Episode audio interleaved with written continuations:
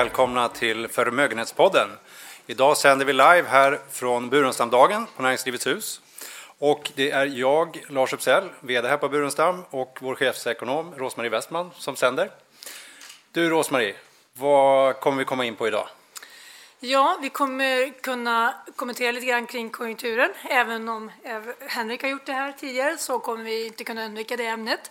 Sen ska vi prata lite om de här centralbankernas åtgärder alltså om vi kan hålla fast vid inflationsmålen som vi har eller om vi kommer lägga om hela eh, centralbankspolitiken lite längre fram här inom 5-10 år kanske. Eh, och vi kommer prata om den starka dollarn. Är den negativ för, för utvecklingen här framöver? Det är bra. Men innan vi kommer in på det ska jag nämna att det är den 24 september och det är alltså på eftermiddagen idag här. Du Rosmarie, om vi börjar då med den här oron för recession. Henrik var inne på det här tidigare också, att det kommer bli tråkigare och gråare här framåt. Mm. Vad tror du?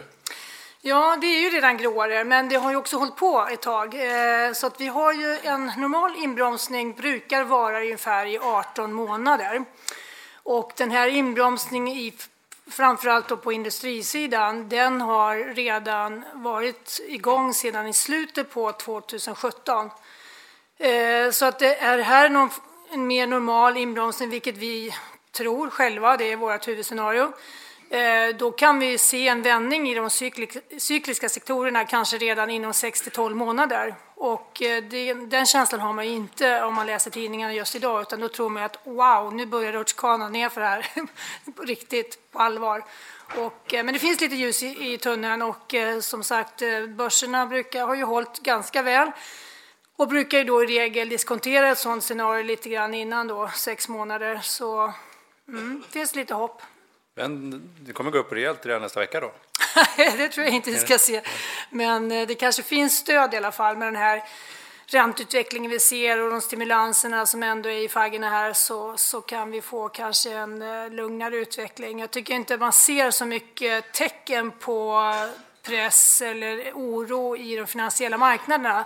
Vi hade, vi hade lite debacle kring en Fed-funds-ränta här i USA för några dagar sedan där det var uppe på 10 procent. Den skulle egentligen ligga på 2. Och det är klart, det, det är ett orostecken som normalt skulle kunna ja, för, förebåda då en finansiell kris av något slag. Men, men det där finns en, en förklaring till och eh, det är någonting man ska hålla ögonen på, men, men det oroar inte mig just nu.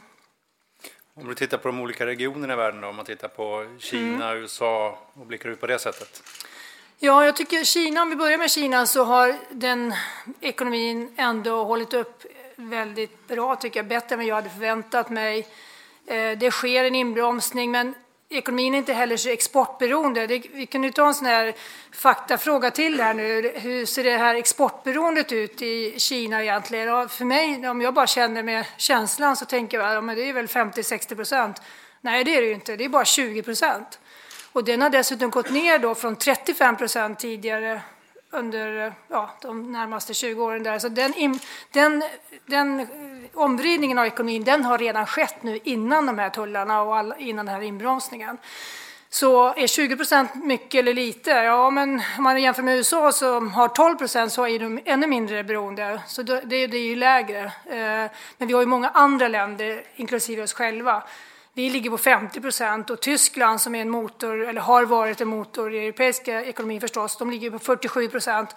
England och Frankrike ligger på 30 procent. Så där finns det lite hackordningen då som ni ser hur det här beroendet ser ut. Så Kina skulle jag säga att eh, de har eh, ja, rätt okej okay ekonomi trots allt. Eh, och det finns också mer att göra om de skulle vilja stimulera mera, vilket de gör just nu. Så där finns det lite mot, motkrafter. USA har väl lite svagheter men är väl ganska okej okay på konsumtionssidan. Eh, och det vore konstigt om konsumtionen skulle upphöra helt plötsligt när man ändå har den här injektionen nu då med lägre både långräntor och korträntor. Så det ska väl inte heller hända någonting dramatiskt där. Och Europa har ju då lite, lite svagare utveckling men det finns ljuspunkter, eller har funnits ljuspunkter i Europa. Det är Frankrike och det är Spanien, så det finns lite annat. Det är inte bara Tyskland, utan det finns andra ekonomier som går lite bättre.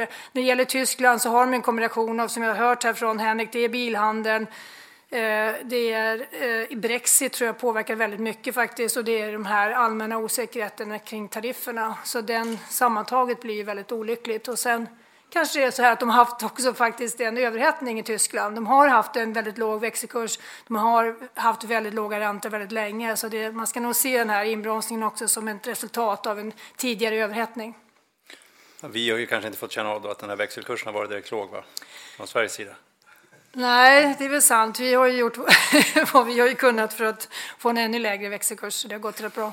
Men om vi, om vi hoppar dit då till, till, till eh, centralbankerna och, och, Henrik var inne på det, gjorde en väldigt bra beskrivning av hur eh, inflationen på något sätt är död och det, det har man väl hört av och till eh, här sista åren.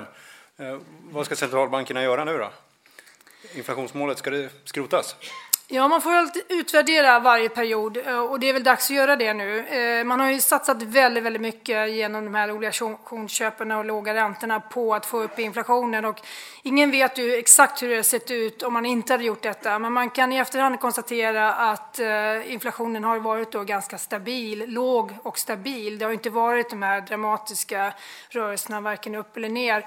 Eh, så eh, responsen på åtgärderna har varit ganska medioker får man väl säga. Och kanske hade man inte behövt göra så väldigt mycket för att vi har, alltså ekonomin går, mår ju ganska bra av en låg stabil inflation. Och kanske har man haft ett överfokus över att nå de här inflationsmålen lite för snabbt, alltså för kortsiktigt eh, eh, ja, för kortsiktiga ansträngningar att få upp en inflation som ändå man kan se är ganska strukturellt eh, dominerad med de faktorer som Henrik varit inne på så kanske man skulle varit lite lugnare och haft en del av de där verktygen kvar. Ehm, ja, så kan man kanske se det att vi inflationsmålen, vi kanske inte behöver göra om så mycket när det gäller nivåerna, men man kan hantera målen på ett väldigt annorlunda sätt tror jag. Men om vi tar hoppar vidare till minusräntan då. Mm. Eh, Riksbanken vill bort från minusräntan nu. Eh, mm. Fler centralbanker kommer vilja styra bort mot neg från negativa räntor.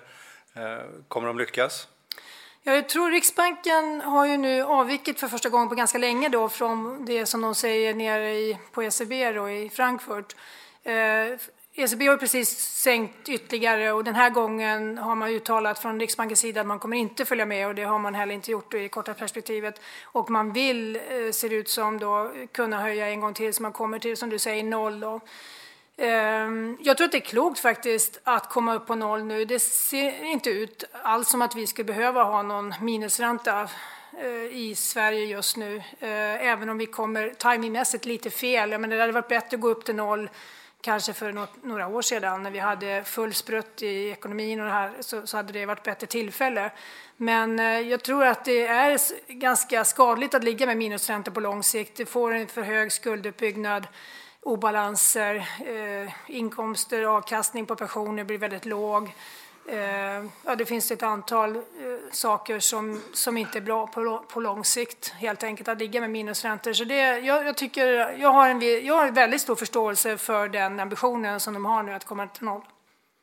Men då, eh, då är det dags för finans, eh, finanspolitiken att ta över och vara mer sti, stimulativ framöver?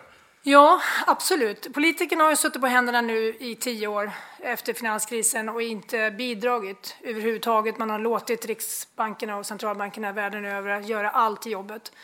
Och eh, det är klart att på kort sikt så är det väldigt svårt att få igång infrastruktursatsningar, men man kan skapa sig ett ramverk nu och i Europa tror jag det är ganska bra. Alltså här har vi inget utrymme för penningpolitiken, vi har inga räntor som kan sänkas utan nu är det väldigt uppenbart att vi får ta till finanspolitiken. Det finns också utrymme. Tyskland då som går väldigt svagt har definitivt utrymme. De har samlat i ladorna nu i åtta av tio år tror jag, har de gått med överskott de senaste tio åren. Så de kan verkligen satsa fullt ut och då är det bara politiska eh, viljan och den tycker jag att man kan se nu i Tyskland. De pratar om att ha en balanserad löpande budget och så ska de ha en, en separat skuggbudget som ska ta hand om de långsiktiga infra, satsningarna som kan bli på infra, infrastruktur.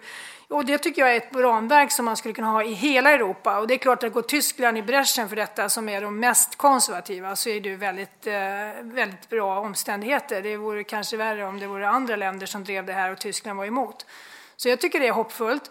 I, i, I, USA däremot så har vi precis omvända. De har ju utrymme på räntorna, att sänka räntorna, men inget utrymme finanspolitiskt. De ligger redan och kör 4% budgetunderskott på löpande utgifter. Det eh, lämpar sig ju inte helt för att göra andra saker samtidigt, men de är ju kreativa och modiga så de kanske gör även en del på, vi får se på hur det blir. Vi har ju presidentval nästa år så det kanske inte händer så mycket på kort sikt i USA. Okej, Rosmarie, då passar vi båda två att tacka er lyssnare för att ni har lyssnat och publiken här för att ni har varit tysta och låtit inspelningen löpa på. Tack ska ni ha. Tack.